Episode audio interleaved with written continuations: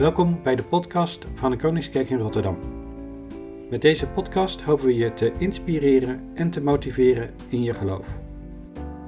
Deze aflevering is verzorgd door Jan van Keulen, ouderling en student theologie.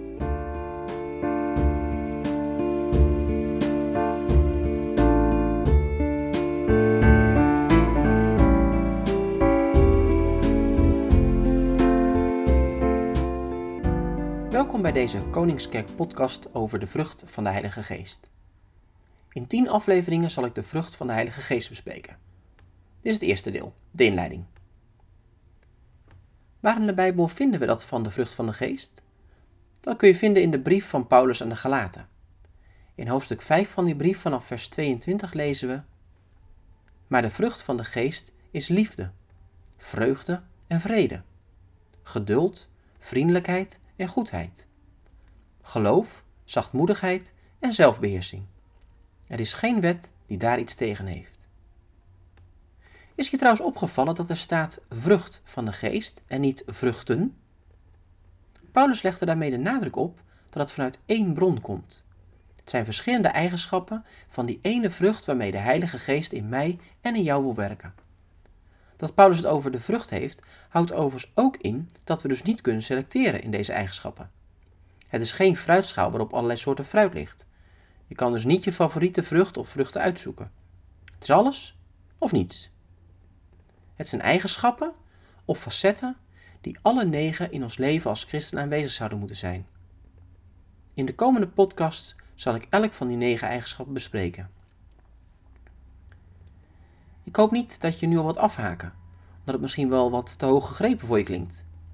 En ik kan me best wel goed voorstellen hoor, dat een aantal eigenschappen of facetten best wel zwaar of zelfs heel groot klinken.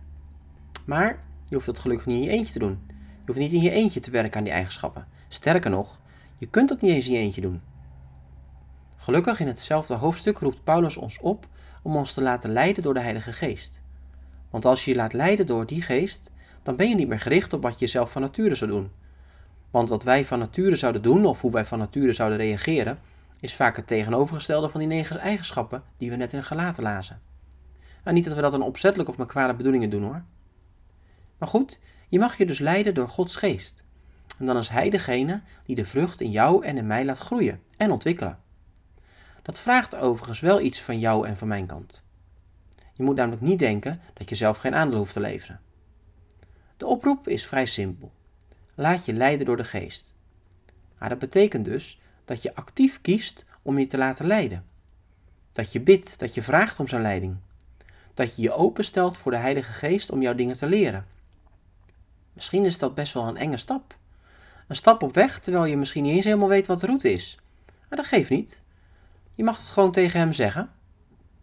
Zullen we samen bidden om op weg te gaan? Om de Heilige Geest de ruimte te geven om die vrucht van de Geest in je te laten groeien en ontwikkelen?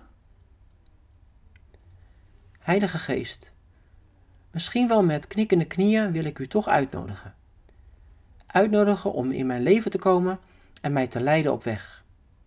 Ik wil ruimte geven, zodat u uw vrucht in mij kan laten groeien en ontwikkelen.